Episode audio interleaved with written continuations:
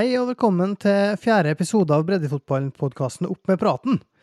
Det er en podkast i privat regi, laga i Surndalen av meg, Øystein Gjelle Bondhus. Målet med podkasten er rett og slett å skape engasjement rundt breddefotballen i kretsen vår. Torsdag så går første seniorkamp av stabelen, når Molde 2 møter Surndal Søya Todalen i tredjedivisjon for kvinner. Fredag og videre i helga kommer både fjerde- og femtedivisjon for menn etter. I dag skal vi se nærmere på seriestarten og annet gå gjennom et tabelltips for fjerdedivisjon. I tillegg skal vi gjette, for det er jo det det blir etter to år uten tilleggskamp.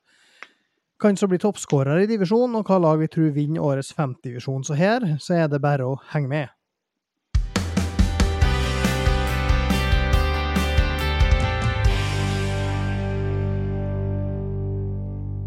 Til å melde litt i lag med meg her i dag, så er jeg så heldig at jeg har fått med meg to kunnskapsrike, rutinerte herremenn.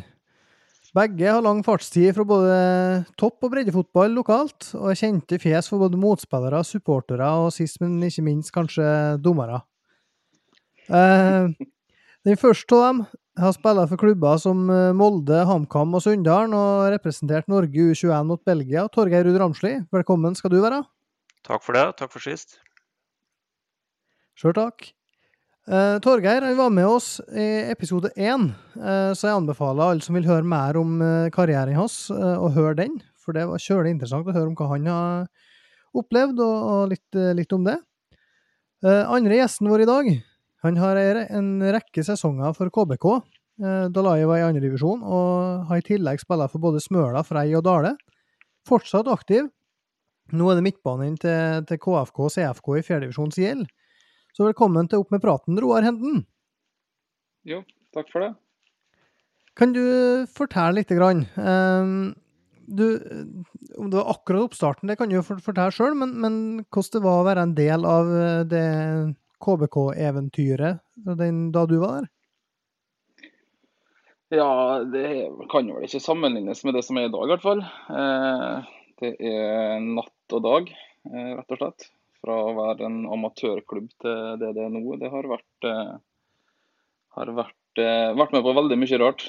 Eh, Mye gode minner og mange spesielle minner. Men eh, det er nå litt artig å sitte igjen sjøl som en eh, en liten del av det, i hvert fall. Eh, Om ikke så veldig stor, så har jeg i hvert fall spilt min rolle for det. Og kan i hvert fall si at jeg har vært med og forma klubben litt, i hvert fall med godt over 100 kamper. Mhm. Ja, for hvor lenge var det du, du var der? Jeg var vel sånn i teorien med fra oppstarten av, men uh, i og med at det var så komplisert i starten, så var jeg ikke spilleberettiget for A-laget før 2005. Den første sesongen var i 2004, eh, da det ble akkurat ikke opprykk. Da måtte jeg spille på enten CFK junior og da KBK2 slash KFK slash CFK i fjerdedivisjon. Så det ble ikke før en par år etterpå at det gikk an å spille både på andrelaget og førstelaget, eh, av alle ting. Ja. Så det var så mye sånn streker her og der som gjorde at man ble ikke Jeg husker jeg var, skulle være med på Norway Cup i 2005 for CFK. Da måtte jeg melde overgang på sommeren for å være med juniorlaget på Norway Cup. Og så måtte jeg melde overgang uka etterpå igjen for å rekke A-kampen, som var uka etter Norway igjen. Så det var mye det, Ja. rett og slett amatørmessig eh, når vi ser tilbake på det. da. Mm. Men eh, ja, i hvert fall sånn det har vært. Men hva, hva er det? Er det noen spesielle minner du, du husker godt fra den tida? Nei, ja, jeg husker egentlig veldig godt eh, alt. Vi hadde jo en Erik Brakstad som eh, var på Santiago Bernabeu noen eh, fem-seks år før han trente oss. Så der var det rett og slett en slags desperasjon for å rykke opp, da. Eh, første året så tror jeg vi avslutta A-lagsstallen med to eller 33 mann i A-stallen. Der eh, det ble henta inn folk fra hytte og gevær bare for å prøve å få resultater. Så det var henta inn sånn som Leo Totev, da, ikke noe fælt eller vondt mot han, men han spilte jo i USA, var hjemme på sommerferie og ble henta inn.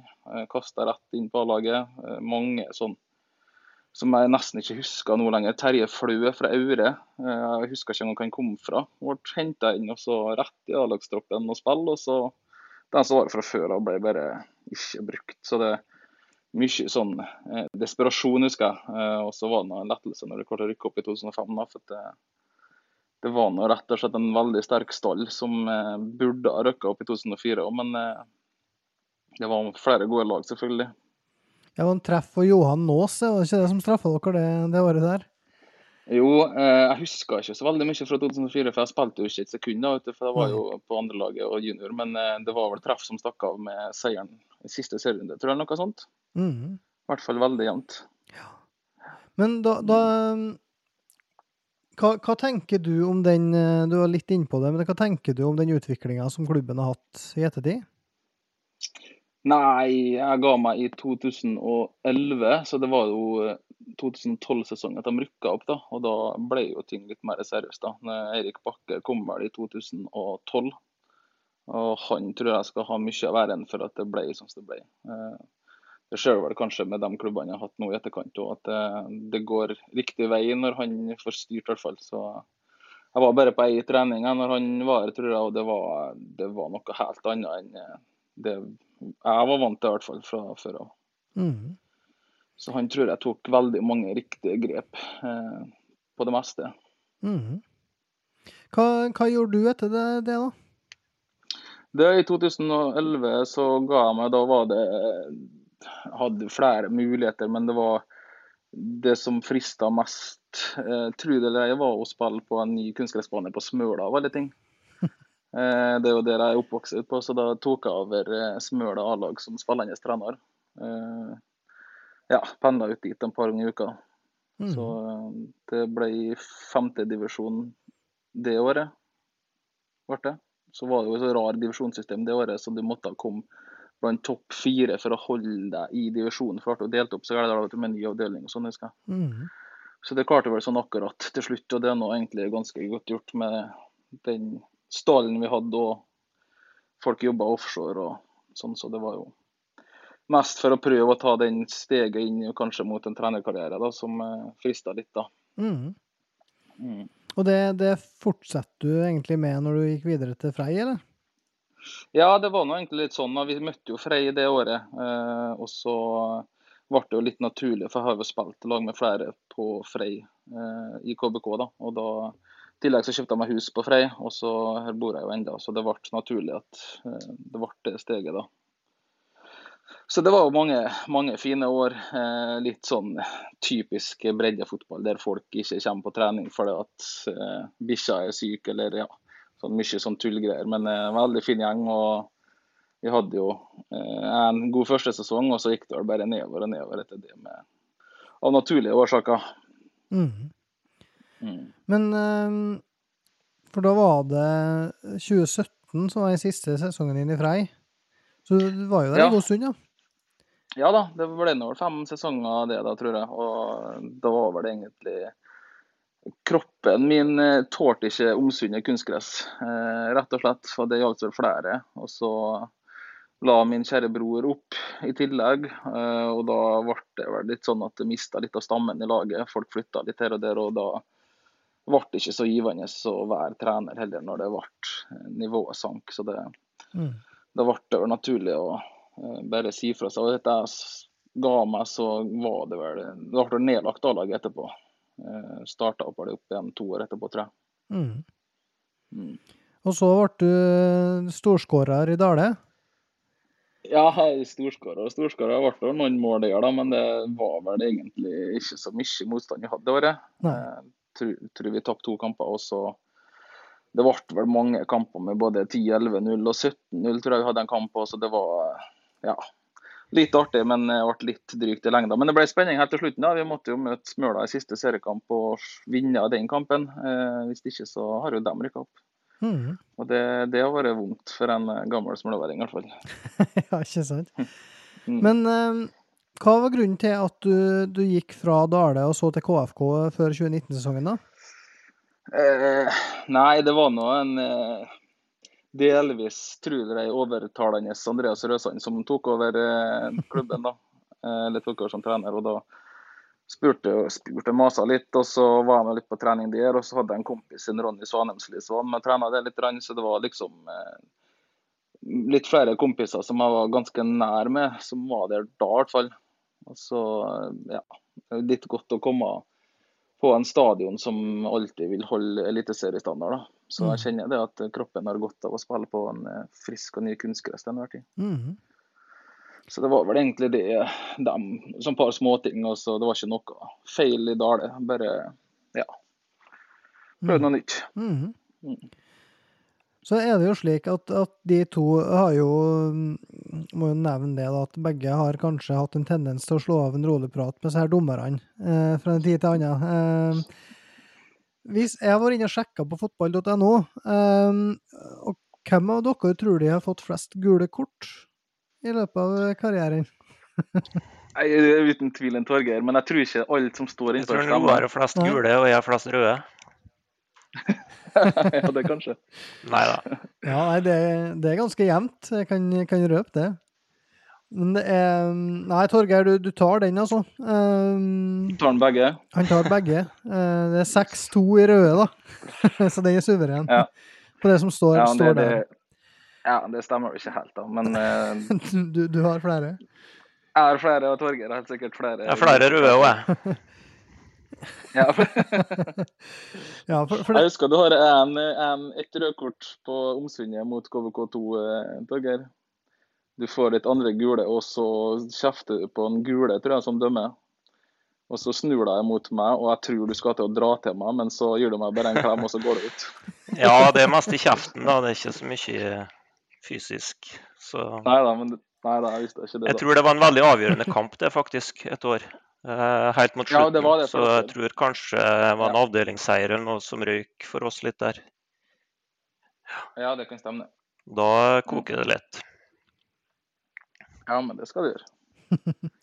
ja, det er 65-52 i gule, da, ifølge fotball.no. Så det, det er fasiten. Men det, du har vel noen flere år å ta det på, Torgeir, så snittet er vel sikkert ganske likt.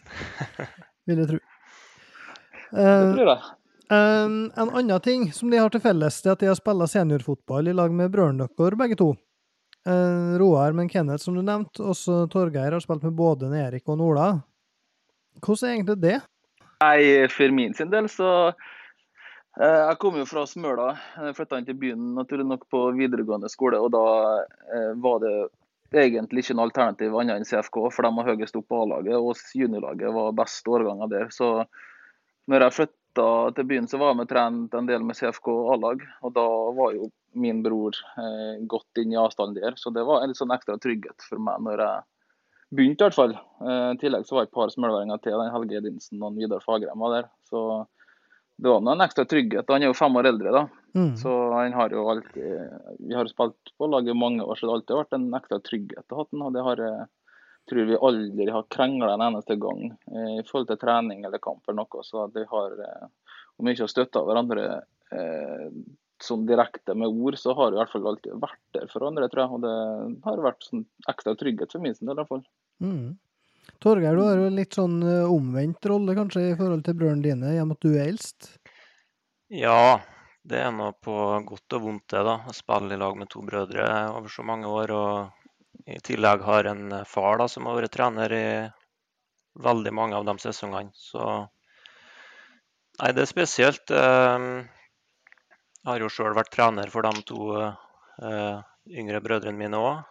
Det er jo enda mer spesielt. Jeg tror mange tror at det blir sånn at du kanskje forfordeler dem litt og er veldig ofte på deres side og sånn, men eh, min erfaring er at eh, ofte så er det litt motsatt. At uh, du er hardere mot dem enn du er mot, uh, mot andre. Nettopp for at du vil, du vil unngå den her eh, ja, mistanken da, om at du er på sida til familien hele tida. Så du er kanskje strengere og, og, mot dem og, og tar dem hardere enn andre for å, for å unngå den. Så har vært en del situasjoner opp igjennom. eh, Det smeller fort, da, men det går òg over fort. Vi er jo veldig sånn enige sånn innad i familien sånn fotballmessig og måten vi skal spille på og hva vi skal gjøre for å lykkes og sånn. Og så eh, blir det veldig nært, eh, spesielt da i motgang. Så, så da smeller det fort, og så er det lett å ta ut på om de tar ut på meg eller jeg tar ut på dem. Det har kanskje vært mest den siste veien, da. Spesielt som trener, så le- det er lettere å sette ut en av brødrene enn noen andre, egentlig. Sånn, for du skal på en måte bevise at du ikke forfordeler dem. Da. Så nei, det har vært godt og vondt. Det har jo vært fotball hele livet med oss hjemme. Så men jeg har ikke noen sånn dårlige tanker om det, egentlig. Det er mange, mange oppturer og noen nedturer. Mm. Yes, da skal vi ta og gå over til eh, et tabelltips for fjerdedivisjon.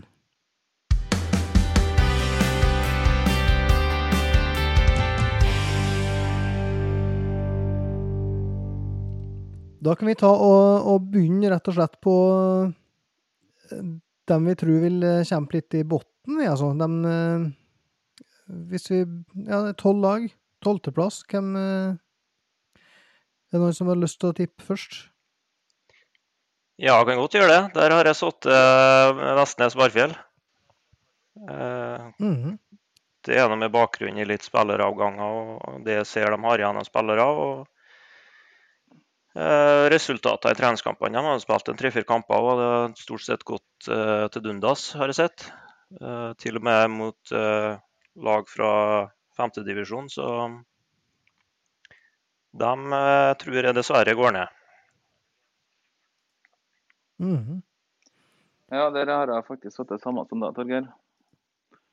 Har jeg. Ja. Ettersom det jeg har lest og sett at folk har fått en Kanishi får til til Tomrefjorden, så ja. Mm. Ja, for nå, nå, er jo De har akkurat fått inn en Karl Arne Stokkeland igjen, og så har de jo Elling Olafsen tilbake. så tror de det Hvor bra må de levere for at det her skal ikke ende med nedrykk?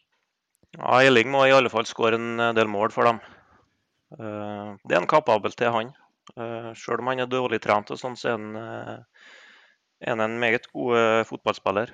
Og stødig foran boksen, så det kan han gjøre. Og Stokkeland er en bra spiller hvis han er i form. Om han har spilt fotball i det siste, det mm. vet jeg ikke, men han er en god fjerdedivisjonsspiller hvis de får i gang han. Ja, akkurat der er jo på en måte noe som går igjen med hele, hele, tipset her. ikke sant? At Det er jo 18 måneder siden sist, altså to år mest siden forrige seriekamp, så det blir jo sitter og gjetter på både hvem som er med, men òg formen til, til, folk, og hvor mye de har trent. Hvor, altså, hvor motivert de er. Vi vet jo ikke om noen som, hva avtaler de har med trenerne sine, eller sånne ting. Så jeg har uh, satt Smøla på tolvteplass, uh, og det må jeg bare beklage. Jeg trives godt på Smøla. Med, vært der med B-laget til Surndalen uh, mange ganger. Tapt alltid bortekampene og vunnet hjemme. og Det gjør at jeg kanskje angrer litt på at jeg setter dem på tolvte, men jeg gjorde nå det. Um, og det er litt, uh, litt av grunnen er jo svake treningskampresultat. Mot, uh, altså 0-5 mot AK og 0-3 mot Elnesvågen. Um, så er det De har en voldsom flyt og entusiasme høsten etter de røkte opp. da så jeg liksom De var kjempeaktive på sosiale medier og veldig sånn på. Så den, den gløden du får når du er i opprykk, og, og den har på en måte jeg er spent på om de har klart å opprettholde det momentumet eh, nå i halvannet år, da, eller om det på en måte har gått piffen litt ut av dem. Eh, de har veldig mange gode spillere, syns jeg. Eh, Tor Arne Kalvø, Emil Betten. Eh, Sindre Hakkebo, hvis han er med mye, og en, minst én Lillehaug. Eh, og da er det spørsmål. Ja, det er mange. Det er mange. Han, de har jo signert han Even Gustad nå fra AK, av alle ting. Å oh, ja. Eh, og så har de Arne Martin Fossland, som har spilt sammen med KBK og vært i Trondheim ja. i Sverresborg. Mange vel det var i hvert fall det året de rykka opp. Eller året i fjor skulle de være det. Eh, da skulle han og Emil Betten ha laget, i hvert fall. Ja, ikke sant? Så eh, akkurat hvem som har det nå, er jeg usikker på. Men, men med Betten og Fossland og hvis er Gustav der er med, så, så har de en veldig sterk sentrallinje, i hvert fall. Men som alltid på Smøla, så vil den 12., 13., 14. mann eh, ikke holde femtedivisjonsnivå engang, omtrent. Sånn at det er veldig avhengig av hva de har med seg til enhver tid. Mm. Eh, hva som skjer. Ja. De, de, blir vanskelig å slå på Smøla, uten tvil, men skal de borte mot Misund og spille på gress og borte Tomrefjorden eller noe sånt, så er det ikke enkelt å ta med seg poeng derifra, i hvert fall som eh, nyopprykka. Nei, og det, det er noe egentlig grunn nok til å bytte om kanskje på de to lagene. Men eh, jeg får bare stå for det jeg har, har tippa, så får vi se. Ja, det, det, det blir bare tipping, alle. Um, yes, Hvis vi går videre, et ett spørsmål Roar, som du kanskje kan svare på, det er at den eh, Andreas Råke um, eh, Her Ja. at han spilte treningskamp for KFK mot AK sist. Men han står fortsatt registrert i Smøla. så det er klart at Hvis han er Smøla-spiller, så er Ja, det det jo en er fæl, fæl råke, det. er samme navn, men eh, ikke samme fyr. OK. Ja, men da, Ja. da er det det er slekta til en Stig Arle Råke etter onkelbarn til en Stig Arle Råke. Ja. Sånn at det blir anna, anna slekt. OK. Nei, men da er det oppklart. Mm. Kjempeflott. Eh, Det er ikke alt som er like lett å lese seg til på, på fiks og fotball.no når det Nei, nei, det er ikke Um, da er det ellevteplassen. Jeg kan jo bare si at jeg har jo Vestnes der. Eh, Det har jo gått, gått gjennom eh, grunner til, til det samme som, som de har nevnt her. Hva tippa de? Jeg har uh, Misund. Ja, og jeg har Smøla. Jeg tror, jeg tror nok kanskje at det Mhm. blir litt rann sånn fest på Smøla likevel nå når det blir match i, i fjerde. Uh, Så Ja, de er utrolig flinke til å lage en ramme rundt kamper, så er de ute der. Sånn at det, det, det er ikke bare bare å dra ut på så er det en lang tur, og det er ikke ikke sikkert alle har eh, makslag når de kommer dit. og ja, jeg, Nei, det er enkelt å melde forfall til en sånn kamp. ja, jeg lot dem få tvilen til gode da, i forhold til Vestnes. At det er kanskje litt mer optimisme og Mm. drive allikevel på Smøla enn, enn det ser ut til å være på Vestnes. Mm. Hva var tanken bak Misund, Roar? Nei, jeg vet veldig lite om laget, uh, rett og slett. Og så Jon Arne Øyen må nå kanskje begynne å bli sliten litt der nå. Så det er egentlig det er synsing, eh, rett og slett. Men uh, Misund hjemme er ekkel også, men uh, Eller også ja, dem har hjemme. Men uh, rett og slett eh, usikkert. Men eh, ja. I hvert fall det jeg har tippa. Mm. Yes. Um, kan vi se på tiendeplassen, da? Om det kommer noen overraskelser der? Nei, Der har jo jeg Smøla, i motsetning til dere. Jeg tenkte jeg måtte være litt snill med gode, gamle lagkamerater og kompiser. Mm. Ja, nei, der har jo jeg mye sunn, da. Så det høres ut som vi er enige om eh, bunn tre, for å si det sånn. tre nederste, i hvert fall. ja, ja, jeg har Ja. òg Misund på Ja, tiende. jeg tror kanskje det er Men- men- litt, sånn, litt kvalitet i Misund-laget hvis det blir med noen gamle helter der. jeg tenkte å si, Så tror jeg at de er såpass bra hjemme at de kommer til å slå de andre i bunnen der hjemme. Da.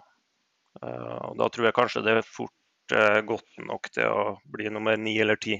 Så jeg tror ikke det blir så mye poeng eh, på så lagene nede i bunnen der. Nei. Nei, jeg er enig i det. Og, og Misund for min del er et av de lagene jeg er mest spent på, egentlig. Fordi at, som du sier, så- som Roar var inne på, jeg vet ikke så mye om dem. Altså, det er ikke Jeg vet at eh, Arnt Erik Brakstad har tatt over som spillende trener. Eh, fått med seg bror sin, Einar Olav, eh, som er med for fullt, visstnok. På Misund? på Misund, ja.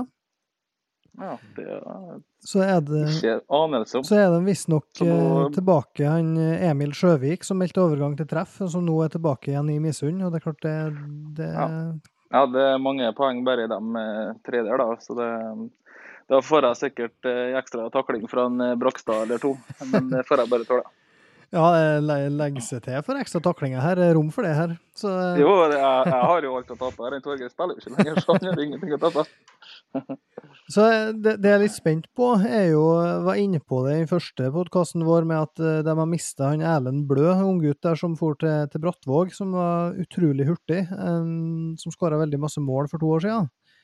Så spørs Mm. Jeg er litt sånn spent på uh, hvor måla skal komme fra. Om en Simen Tangen, som skåra veldig masse for en en del år siden, er, hvor mye er han med? Hvor ivrig er han nå? Um, så er det visst en del unggutter som har tatt noen steg, men uh, ut ifra treningskampene og sånn, så, så eh, Tiendeplass. Einar Olav kan kanskje springe inn i mål, da.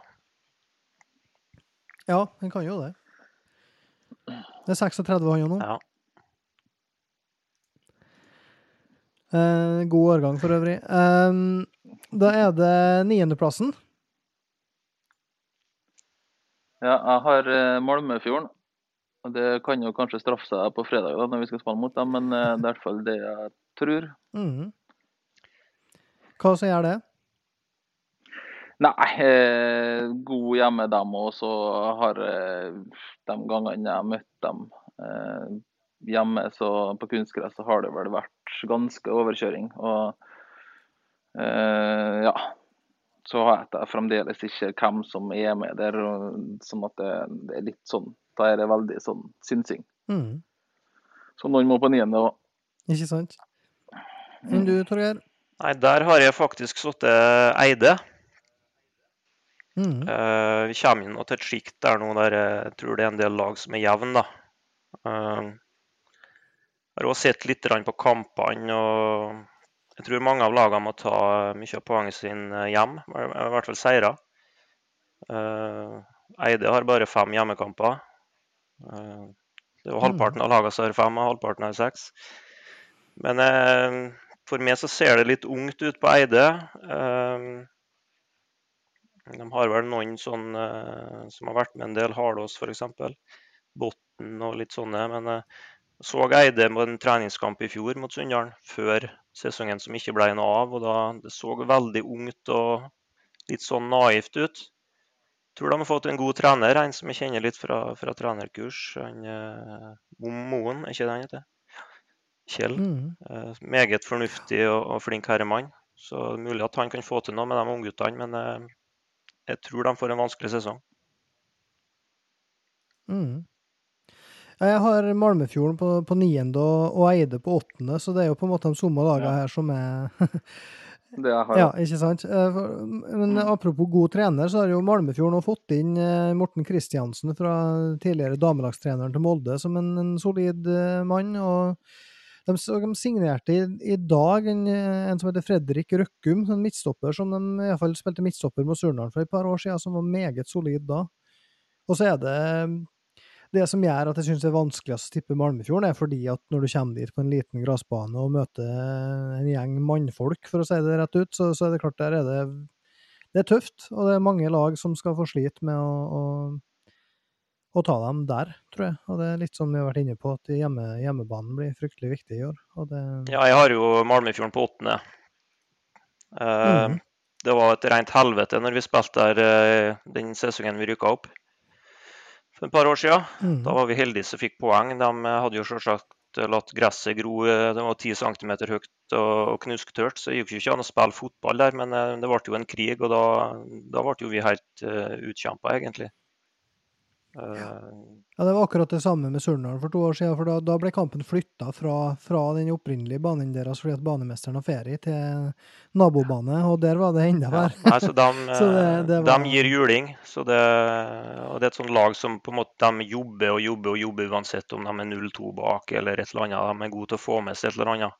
Og Mm. Morten har jeg hatt litt som trener i, i Molde. Han var assistent der, og han, eh, han er jo sånn, setter jo en del krav. og, og Det er ikke noe unnasluntring og sånn. og kommer til å være godt organisert og jobbe hardt. Så det, de Mm. berger fint på det, tror jeg.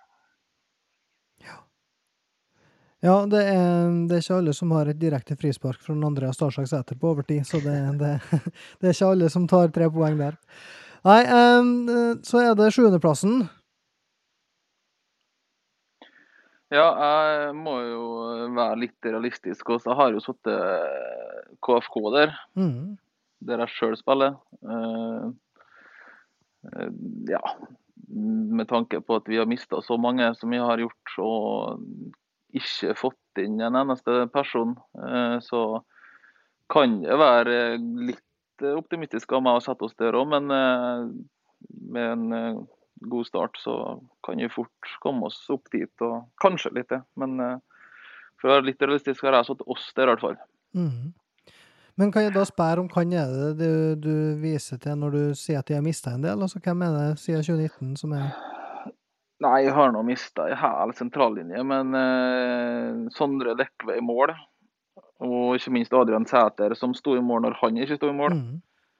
Eh, Erik Rundberg.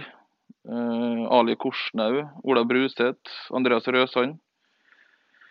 Og lillebror Jonas Rundberg han var vel ikke med så mye, men han var nå en brukbar spiller. da. Mm. Så det er nå eh, ganske mange. Eh, I motsetning til at vi ikke har fått inn noen utenom et par juniorspillere som har blitt eh, litt eh, ett-to år eldre og kan bli bra i førersjodda. Mm. Så det er mange poeng som er forsvunnet der også, potensielt. Men de har fortsatt en spiss og skåra mål, eller to. Ja, vi får nå se da eh, hvordan det blir. Om han eh, skal være med eller ikke. Mm. Eh, spørs hva det hinta til. Om det hinta til han eh, Jan Roger, da. Ja, hva han er ment, ja. Ja, nei, Han sliter jo litt med småskader og sånn, så han eh, er vel ikke helt klar. Eh, Kan godt være hjemme på benken til fredag, men eh, han kommer i hvert fall ikke til å starte da. Mm. Så eh, han og jeg har vel ikke tosifra antall treninger, tror jeg, siden mars i fjor. Nei. Så eh, vi får nå se hvordan det går. Mm. Men eh, selvfølgelig, hvis han kommer i gang, så kommer han til å skåre skåre mange mål, han. Ja, og så er det jo et poeng, det her med Hva tenker du når du hører det her, Torgeir, med tanke på at de har mista mange, men det er bare elleve kamper? Hva, hva tror du? Nei, litt sånn som vi diskuterte første episoden, tenker jeg at uh, tror ikke du trenger så veldig mange spillere i år, da. Har du en 14-15 kanskje, så, så holder det. Uh, det er vel urealistisk å tro at uh, de går gjennom 11 kamper uten karantene, uh, noe røde kort eller noen skader noen av laga. Det, det går nok ikke. Men at du trenger en sånn veldig stor stall, det, det tror jeg ikke i forhold til å ha en stor stall, så tror jeg heller det at du får trent veldig godt eh, og øvd på en del ting som du ikke greier med 8, 9, og 10 og 11 på trening. Eh, det har jeg hatt nok sjøl som trener, og da er det veldig begrensa. Det blir mye fire mot fire og, og lite storbanespill. sånn at ja, både forsvarsmessig og angrepsmessig så er det mye lettere å trene på de forskjellige fasene i spillet og, og moment og sånn som du ønsker å få fram, hvis du er i hvert fall en 8 mot 8, 9 mot 9 og sånn. Så der Mm. tror jeg de lagene som er mange, har en, har en fordel. Eh, Mm. Hvem har du på sjuende, da? nei, der har jo jeg Sunndalen, da. Ja. Eh, Det, sto jo mellom KFK og Sunndalen på den plassen. Da har jo KFK et hakk over, selvsagt. Uh, har jo sagt en del om Sunndalen i den første episoden, og får jo litt reaksjoner på at uh, folk syns kanskje er for negativ. Uh, men jeg mener jo at Sunndal skal være fornøyd hvis de blir nummer sju. Eh, og får seg en del seire hjemme og, og noen poeng borte. så og så ungguttene kan få, få en sesong uten noe sånt uh, ja, nedrykksspøkelse over seg, og, og, og få trent godt i vinter og sånn, så kan de bygge på det til neste år. Så ser ikke på det som sånn katastrofe om, om Sunndalen blir midt på tabellen.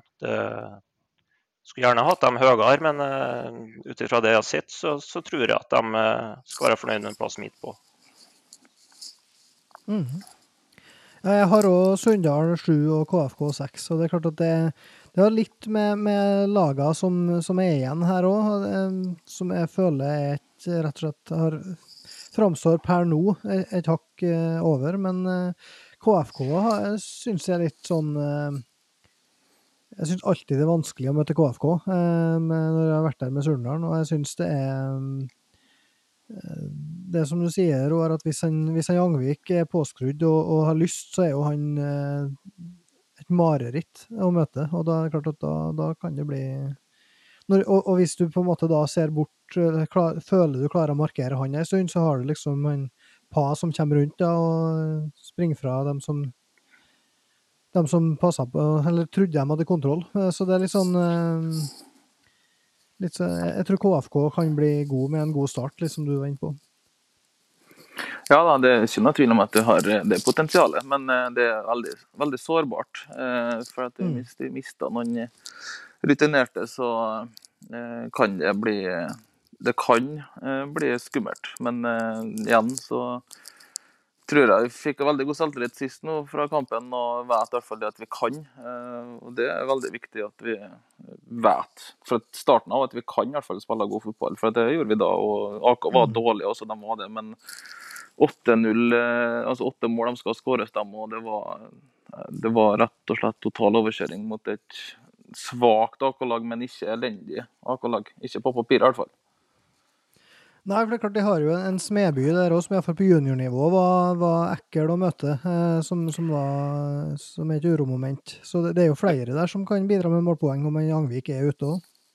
Ja, nå skal jo han Smedby da, selvfølgelig flytte til Oslo, så han blir jo ikke med oss. Så det, det, det, det er rett og slett tynt, også, og det skal mm. være såpass ærlig å si det. Men mm. uh, igjen så er en Frode er veldig flink Frode Byttingsvik da, veldig flink til å få folk påskrudd. da, og Det, det hjelper jo i hvert fall meg som eh, liker å ligge på midten og få ballen mye. og det At mm. folk springer rundt meg, det, det gagner meg veldig mye. Eh, sånn at jeg først og fremst får eh, ro når ballen kommer, og så slipper å jage så mye. Forhåpentligvis, da. Mm. Så nå har jeg sagt det, så nå kommer alle til å springe rundt meg, men det får jeg bare får jeg bare tåle. Ja. Da beveger vi oss opp til topp fem her. Ehm, hvem har vi på femteplass? Jeg har satt Åndalsnes eh, på femte. Mm. Samme her. Mm. Da, er vi, da er, vi, enige om den. Hva, hva tenker vi om Åndalsnes? Eh, hva tenker du, Torgeir, om dem i år? Nei, igjen da, så, så, er jo det et, et, lag som jeg har tro på og, og har fått litt sånn sansen for. De, de har veldig sånn samspilt uh, ungt lag som har spilt sammen en del år.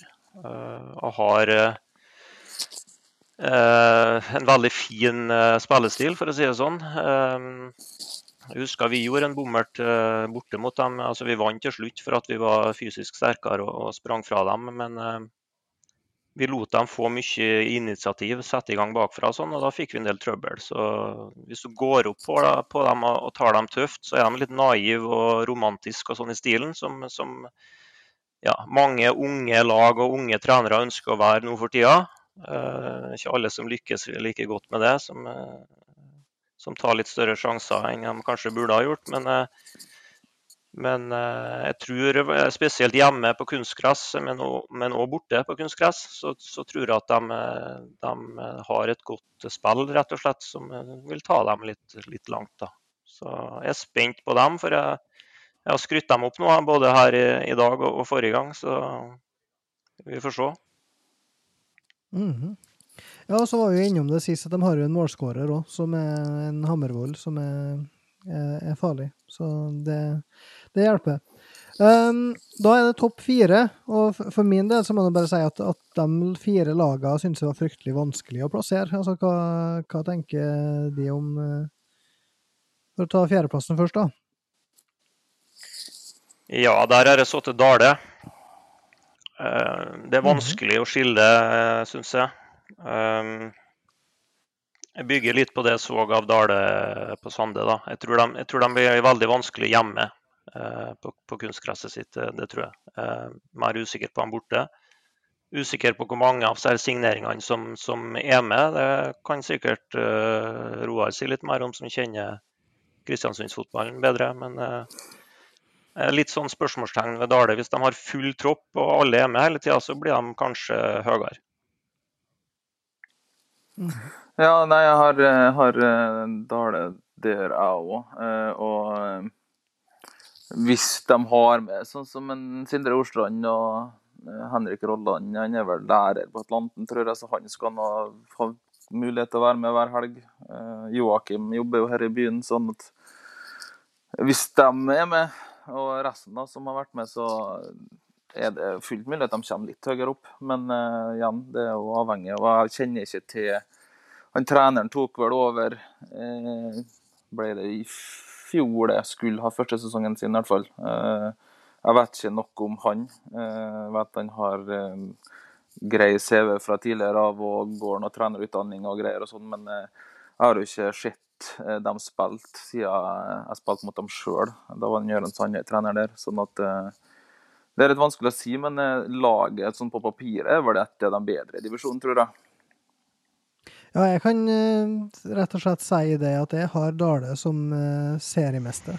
uh, ja, men det, det, trenger ikke å være feil, det. Nei, altså grunnen grunn til det, da, for å forklare det, så er jo det altså En ting altså, Jeg ser på Dale og, og Surndalen som, som, ganske lik i, i, det at de har fått tilbake en del spillere fra KBK, en del juniorer som er, er bra, holder bra teknisk nivå, har god løpskapasitet. er relativt uh, taktisk god, sånn slik som etter min, min, forståelse. Og i tillegg så har Dale Joakim Bjerkås, som kommer til å stenge igjen uh, voldsomt på det nivået her.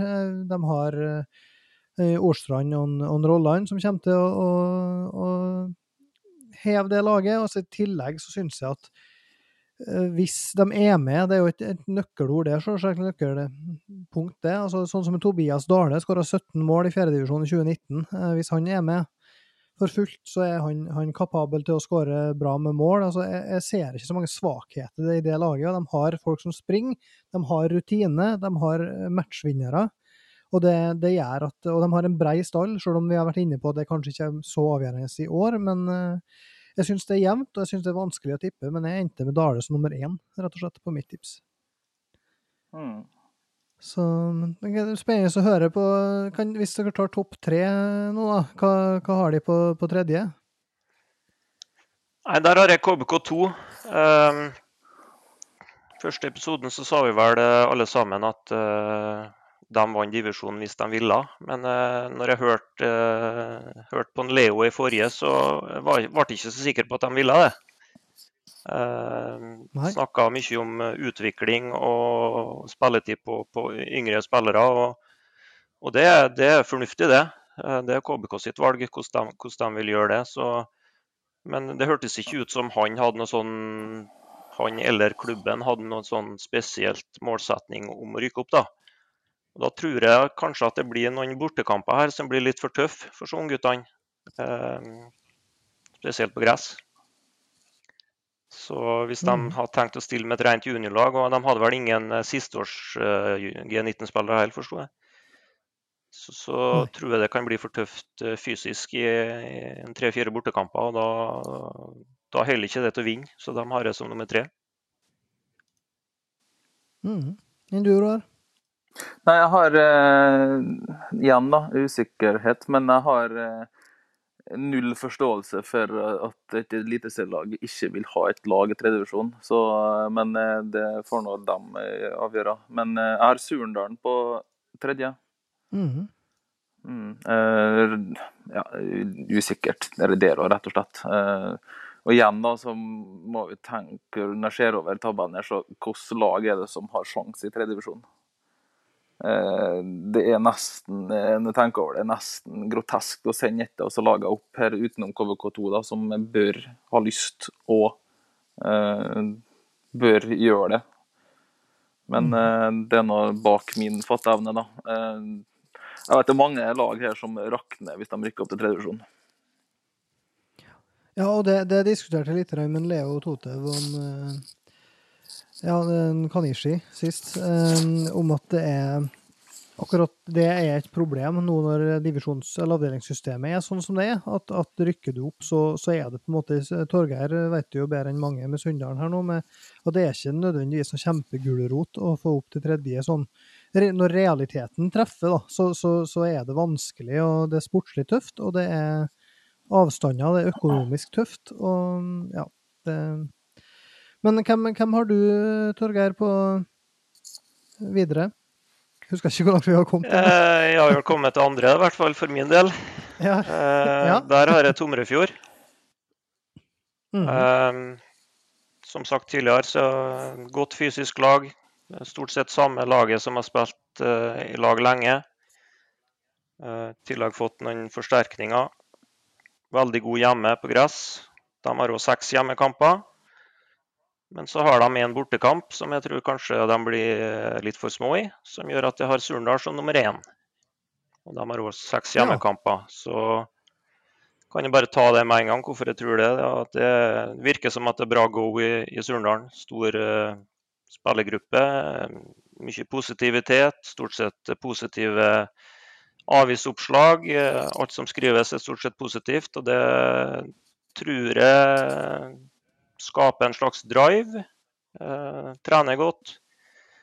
Kanskje et av de lagene som eh, ikke rakner, selv om de rykker opp. Får, eh, får, det tøft, ja. Det, det, er ikke noe tvil om. Men jeg tror ikke at det er så mange som kanskje slutter, og at Ja, sånne ting. Så jeg har tro på Surndalen. Jeg hadde hadde vel en sterk hjemmekamp nå sist mot Kiel Hemne. Uh, selv om jeg tror ikke Kiel Hemne kanskje er noe topplag i fjerde, men de skåra seks og slapp for så vidt inn tre. Men uh, det tror jeg de får orden på. Så har seks hjemmekamper, regner med de uh, vinner alle dem og, og, kommer til å ta en del poeng borte. Så det blir mitt tips, men det kunne like så godt vært et av de andre lagene oppi her. Mm. Det er et tips med hjertet, eller? Eh, det er det ikke. Enn du, du, Roar. De førsteplassene, det er tipset til ditt hjerte? Eh, ja, egentlig. Men jeg, som jeg sa i stad, så var det der jeg hadde KBK2, da. Mm.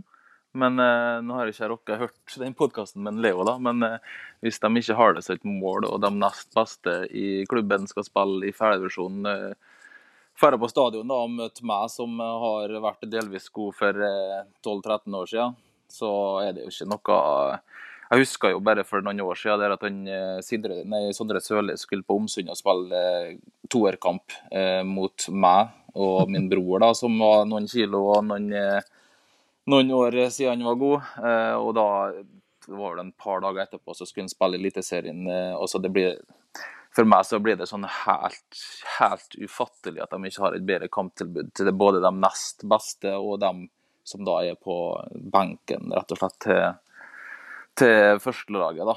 Eh, det er, jo, det er, jo, mange der som står så å si uten kamptilbud da, eh, på det nivået. Hvis du trener til dagligdags i Eliteserien og skal ha kamptilbudet i fjerdedivisjon, som er den femte høyeste i Norge, så er det nesten, det er nesten flaut. Mm. Uh, og Det er ikke for å slakte min gamle klubb, her nå, det er ikke det, men eh, det høres eh, merkelig ut. Så det må være noe, noe bak der som vi ikke vet, da, om det er økonomi eller hva det er for noe. Så et eller annet må det være.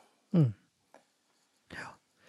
Yes, men Da er vi igjennom, og da, da har vi på en måte slått fast da, at Dale, Surndalen og KBK2 vinner, vinner fjerdedivisjon i år. Eh, og vi sporer jo lytterne før sending i dag. Eh, hvem tror du ender topp tre og bunn tre i årets fjerdedivisjon? Og ja, det, var fire lag som skilte seg ut litt i, i topp tre. Var jo KBK2 hadde 82% av dem 71 som svarte. De eh, hadde KBK2 med i topp tre, og, og Surndalen var ei stemme bak. Så det var de to med mest oppslutning. Tomrefjorden på tredje med 56% i topp tre, og Dale eh, nummer fire med 39. Åndalsnes var nærmest.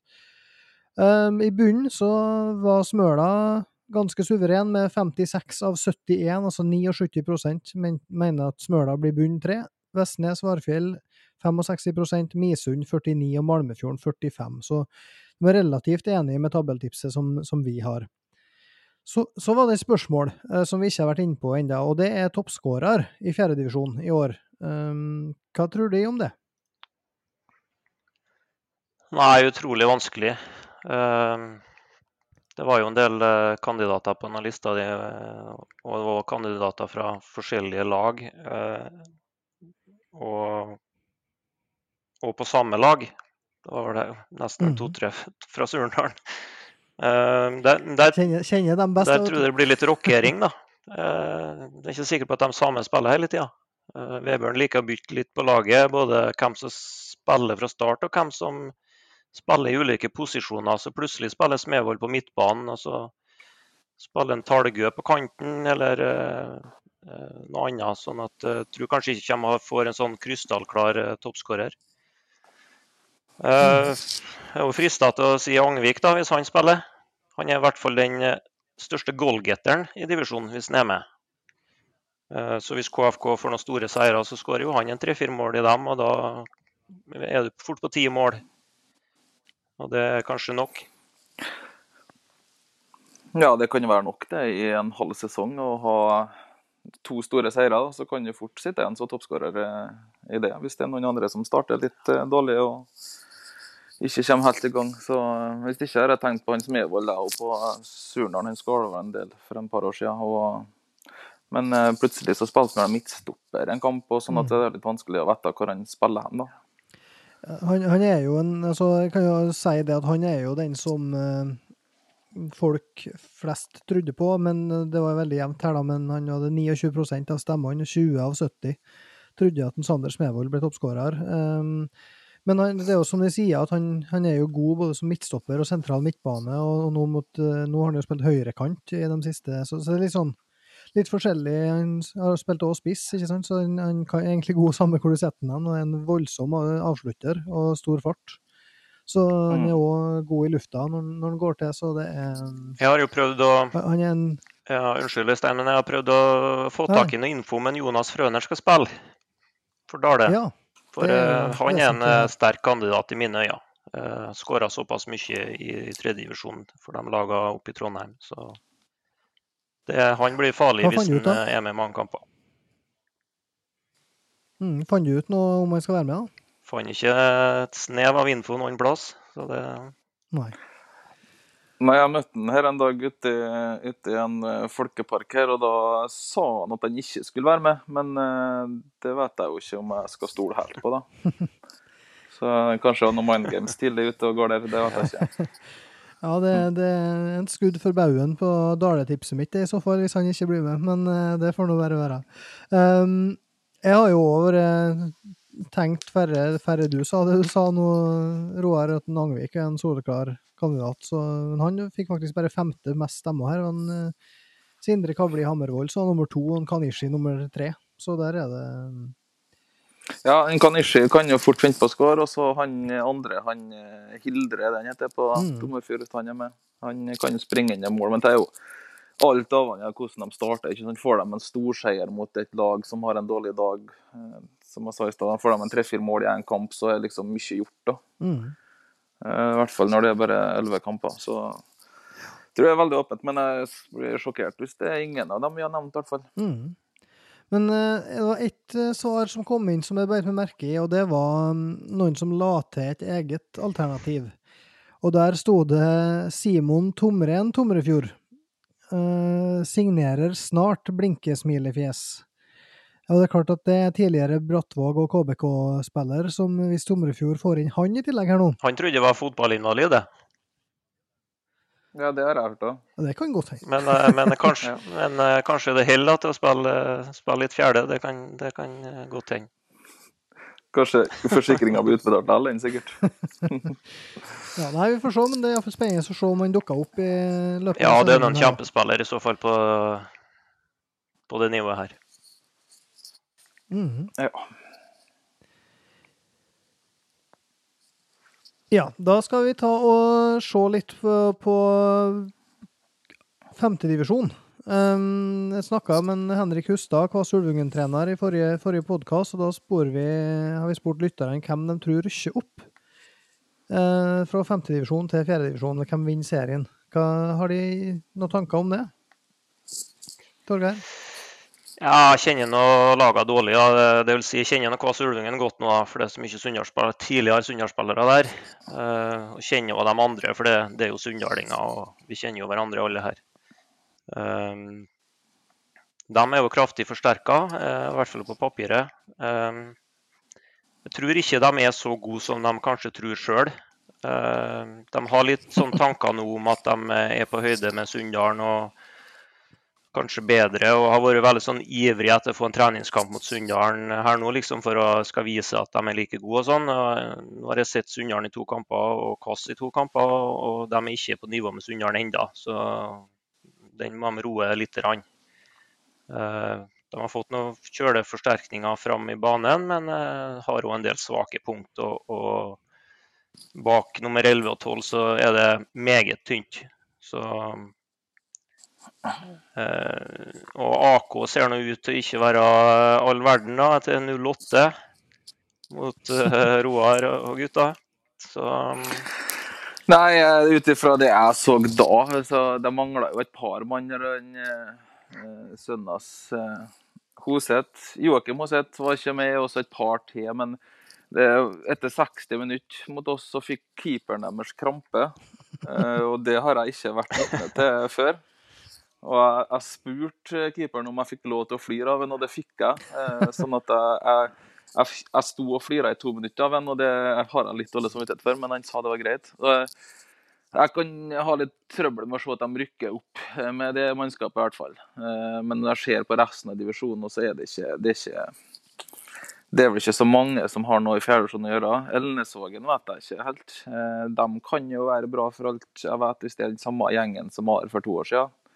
Så er det en, sånn, en grei stamme med litt ungt. og Sånn at det, det er utenom uh, Kvass, da, som man uh, Torgeir sier, så ser jeg ikke noe. Molde-studentene der, jeg har ikke peiling. vet du. Aldri sett eller hørt om det. kan jo være mange gode fotballspillere. Mm. Så det, det, det, er veldig vanskelig å si. Ja, for altså, Mine tanker er jo det at nå er jo de her Når jeg legger ut sånne spørreundersøkelser, så er det jo klart at uh, publikum er nok uh, dreid litt mot Indre Nordmøre og, og Surndalen og, kanskje litt Sunndalen. Og, og 44 har jo svaret at de tror Kvass vinner serien. Melnesvågen på andre med 24% og AK 18% så, så, det er på en måte det folk tror, og så treffer to, men eh, Petter Sjåholm sin, sine reserver Der er det en del bra som, som kanskje kan, kan, kjempe i toppen, og så Ja. Nei, eh, det blir spennende i fall å se femtedivisjonen som begynner nå i helga, det òg. Ja, jeg, jeg, har jo en På mistanke så vil jeg si, si Elnesvågen, jeg òg, hvis de har det samme laget de hadde for to år siden, som, som de rykka vel ned. men det var veldig ungt. og Det var vel en Kurt som er trener der nå. Mm. Ja, det er veldig, veldig enkel eh, og ja, Han vet i hvert fall hva han vil, og det tror jeg har alt å si i en sånn en divisjon. Eh, hvis du klarer ti-tolv kamper der og så eh, gjøre det han sier, så tror jeg de kan være skumle, i hvert fall. Så jeg tror jeg er en bra trener, i hvert fall resultatbasert mm. trener.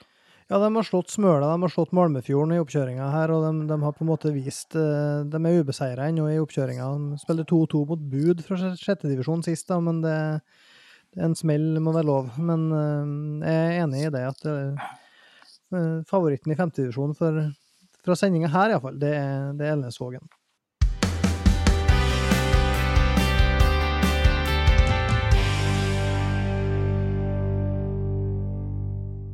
Fredag så starta altså da fjerdedivisjon, endelig. Ehm, da må vi mest se litt på de kampene ja, som skal spilles i første serierunde. For det er noen godbiter der. Eh, og hvis en begynner med den som står først oppført som første kamp, Sunndalen-Åndalsnes hva, hva, i alle dager forventer han på Sande stadion der, Torgeir? Nei, folk forventer vel en uh, hjemmeseier mot Åndalsnes. Men uh, for meg så er den kampen uh, relativt åpen. Uh, tippa det, det ble meldt mye regn. Litt tung gressbane, kanskje. Tror ikke det er noen fordel for det unge, unge Åndalsnes-laget med deres uh, måte å spille på. Uh, mye unggutter på Sunndal nå, men de er tross alt mer vant til å spille på gress. Både på G16 og G19-nivå. Så forholdene kan være en liten, uh, liten fordel Sunndalen. Og så får vi håpe at kanskje tipset til den tidligere treneren gjør dem litt ekstra motivert til at det går en liten faen hjem. Så, så tenker jeg at de kanskje tar Åndalsneset. Mm -hmm. Hva tenker du, Roar? Hva type tegn ville du slengt på der? Nei, eh, men som akkurat Torgeir sagt, så er jeg ganske enig. Etter gress så vil Sunndalen være favoritten nesten uansett. Eh, så jeg tror Sunndalen tar den, men det trenger ikke å bli overkjøring, i hvert fall. Det tror jeg ikke. Men uh, er gress, gress, har mye å si også. Eh, Åndalsnes har vel ikke gressbanen sin lenger, tror jeg. Sånn at de har vel ikke spilt der på i hvert fall to år, eller sånn at jeg tror ganske sikkert Sunndal i den kampen, ja. Mm. Jeg får tippe uavgjort, det da, slik at det er litt, litt forskjell. Men jeg ser at 59% av de 70 som har svart på den avstemninga vår, den, de har svart borteseier og Åndalsnes. 59% tror Åndalsnes slår Sunndal på Sande. 27% tror på hjemmeseier og 14 på uavgjort. Så det er den jevneste kampen ifølge den avstemninga der, da, eh, som er relativt lite representativ, men det er iallfall 70 stykker som har svart. Så, så er det kan, kan bare ta altså, Det er Misund Dale, det er Surndalen Eide. Eh, det er KFK CFK mot Malmefjorden. Det er Smøla Tomrefjord. Det er Vestnes Varfjell mot KBK2. Um, alle de uh, har ifølge den avstemninga en, en, relativt klar favoritt. Hvor er det mest sannsynlig at det kommer noen overraskelser, tror du?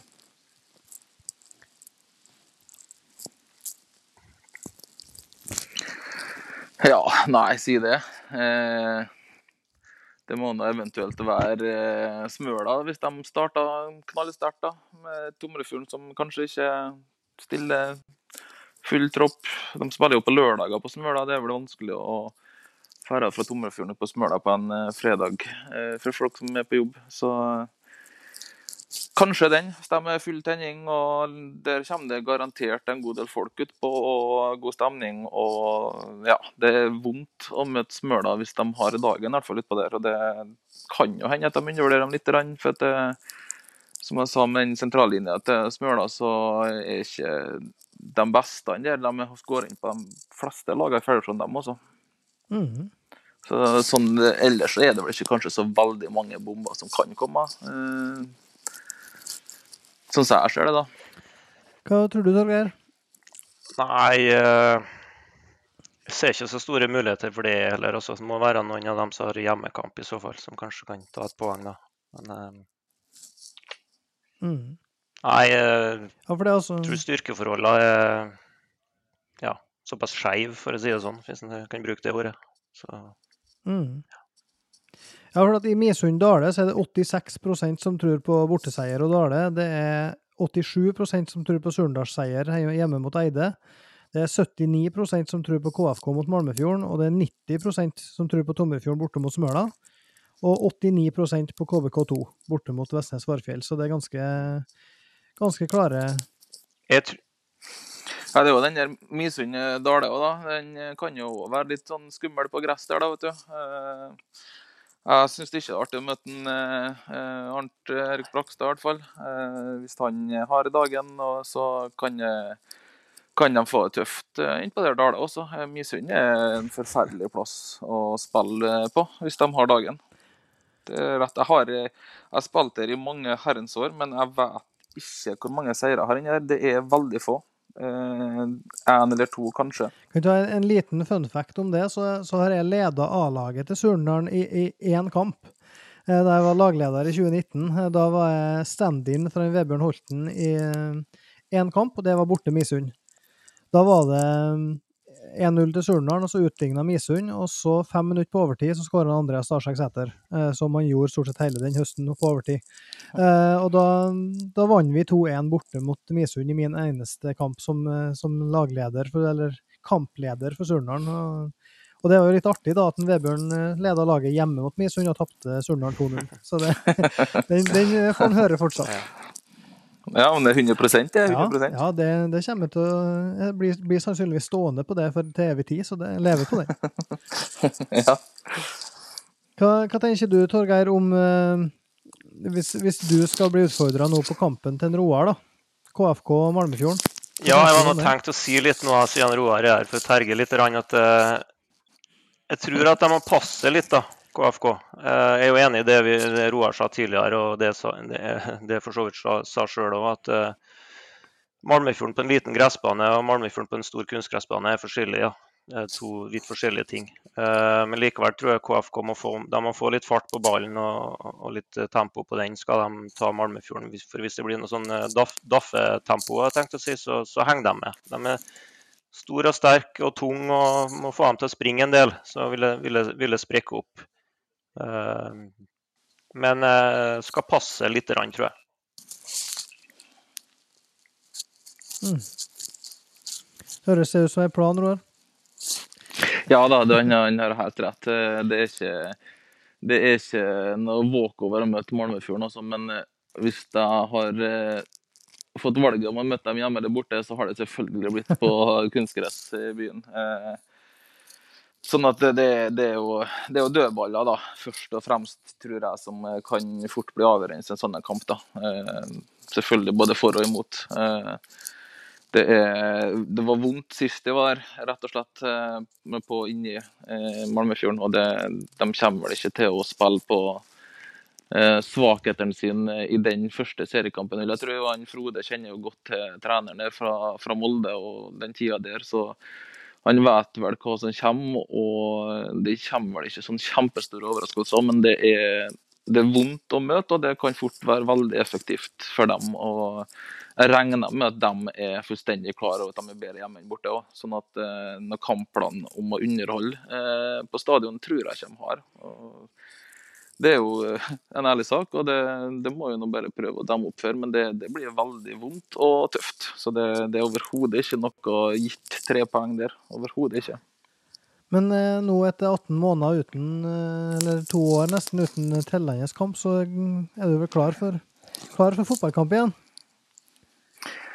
Ja, eh, jeg var nå bitte litt i tvil sjøl før vi starta opp her. For at, det har vært lang tid og er spent på hvordan kroppen har vært. Og jeg må innrømme at koronatreningene eh, har jeg ikke vært så veldig stor fan av. Å stå og slå pasninger det er jo kanskje det eneste jeg kan.